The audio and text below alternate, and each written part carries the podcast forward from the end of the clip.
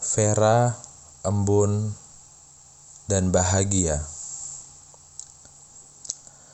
Malang 3 November Aku tengah bangun dari tidur lelap malamku. Kemudian aku beranjak dari ranjangku, sembari menuju teras rumah yang sangat damai tersebut. Aku melihat beberapa gorengan gorengan telah disiapkan termasuk kopi yang biasa ku minum bersama pasanganku di pagi hari. Melihat langit yang biru keabu-abuan nampak indah dan cerah hari ini. Aku sembari berpikir apa yang akan kulakukan selanjutnya. Seseruput kopi ku tenggak bersama tanpa disadari keluar dari balik pintu ruang tamu. Seorang wanita dengan paras indah tersebut yang bernama Vera menyambutku dengan peluk hangat sambil mengucapkan, "Morning, sayang." Ditambah dengan kecupan ia di pipiku dan di bibirku. Romansa tersebut selalu kurasakan dengan baik, tulus, dan ikhlas di setiap pagi dan malamku sebelum terlelap.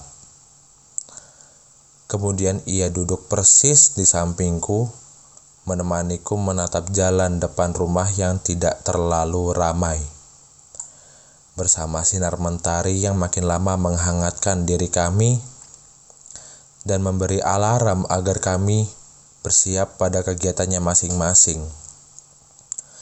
Ya, aku adalah salah satu mahasiswa swasta di kota Malang, sedangkan Vera adalah mahasiswi di salah satu kampus negeri di kota Malang. Cukup lama kami tinggal bersama sudah. Selama kurun waktu tiga tahun ini dari permulaan pertemuan kami pada sebuah konser festival musik kesukaan kami, yaitu jazz. Kami bertemu pada sebuah bar dengan keadaan aku datang sendirian, ia dengan teman sebayanya. Kala itu aku sangat ingat, aku memesan whisky dan ia menemui bartender untuk memesan pink lady favoritnya dia. Saat itu aku menikmati kesendirian dengan lantunan lagu romansa yang membuat aku ingin berdansa di sana. Beberapa menit kemudian, Vera datang bersama temannya di suatu sudut meja yang aku bisa memandangnya dengan leluasa.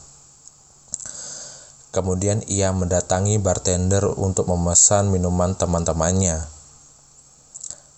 Saat itu aku sangat mengingat bahwa pesanannya dia adalah Pink Lady dengan varian manisnya memang sangat mendukung dengan bidadari yang aku mau sebagaimana mestinya. Hari itu aku langsung mentraktirnya dengan dalih aku meminta akun salah satu sosial medianya dan ia memberikannya begitu saja. Aku cukup tercengang mengapa ia sebenarnya sehingga dengan mudahnya memberikan begitu saja. Dan ternyata ia memang memiliki ketertarikan kepadaku sendiri. Obrolan itu berlangsung cukup lama, sedari memang Vera tidak memiliki ketertarikan obrolan dengan pertemanannya. Ia memperkenalkan dirinya dengan lugas. Aku takjub akan hal tersebut karena ia tak ingin ada kekosongan dalam percakapan kami. Hingga pada akhirnya kami berpisah dan merencanakan kencan pertama kami. Mungkin lebih tepatnya jalan. Tiga tahun sudah kami menjalani kehidupan di kontrakan kecil ini bersama untuk menyelesaikan tugasnya masing-masing atau bahkan saling membantu.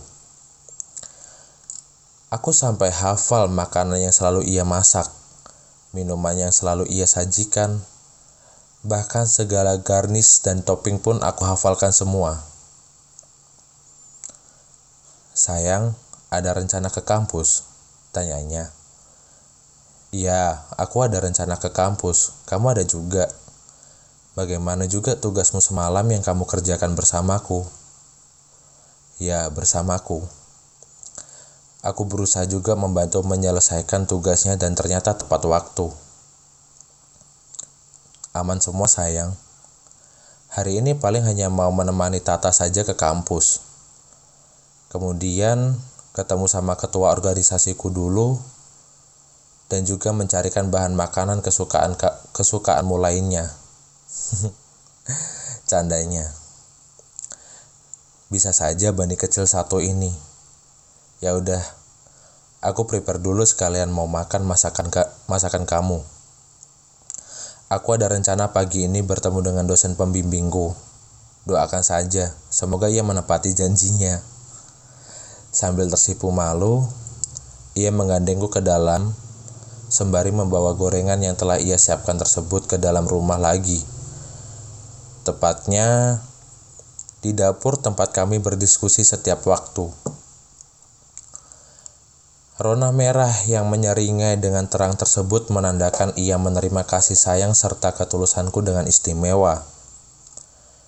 Ia adalah wanita yang tak kenal lelah, sangat menyayangiku. Bahkan teman kami tetangga kami, keluarga kami melihat kami bagai sepasang pengantin baru. Aku pun mulai beranjak dari tempat dudukku dan segera mengambil kebutuhanku untuk mandi. Vera dengan fahamnya ia juga mempersiapkan kebutuhan lainnya seperti parfum, kemeja, celana, bahkan kaos kaki yang akan kupakai.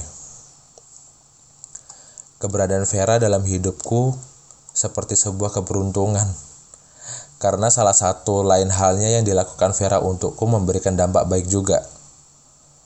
Sesederhana membantu merapikan cara berpakaianku juga bisa mempengaruhi pesonaku di mata dosen pembimbingku sehingga aku sangat menghargai segala tindakan yang ia lakukan kepadaku. Setiap akan melakukan segala aktivitas, selalu kubesitkan dalam benakku untuk berdoa.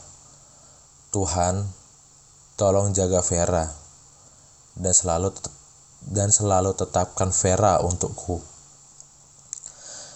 Setelah selesai mandi, aku mengambil pakaian yang sudah disediakan oleh Vera dan menyiapkan beberapa dokumen yang akan terpakai untuk menemui dosen pembimbingku.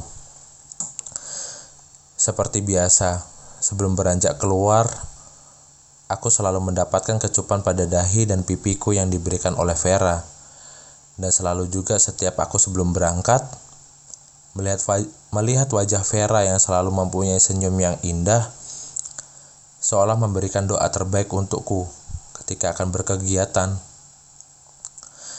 Sebuah motor Shogun berwarna merah dengan segala kenangan indahnya dan menjadi saksi bisu sejarah hidupku telah kunyalakan.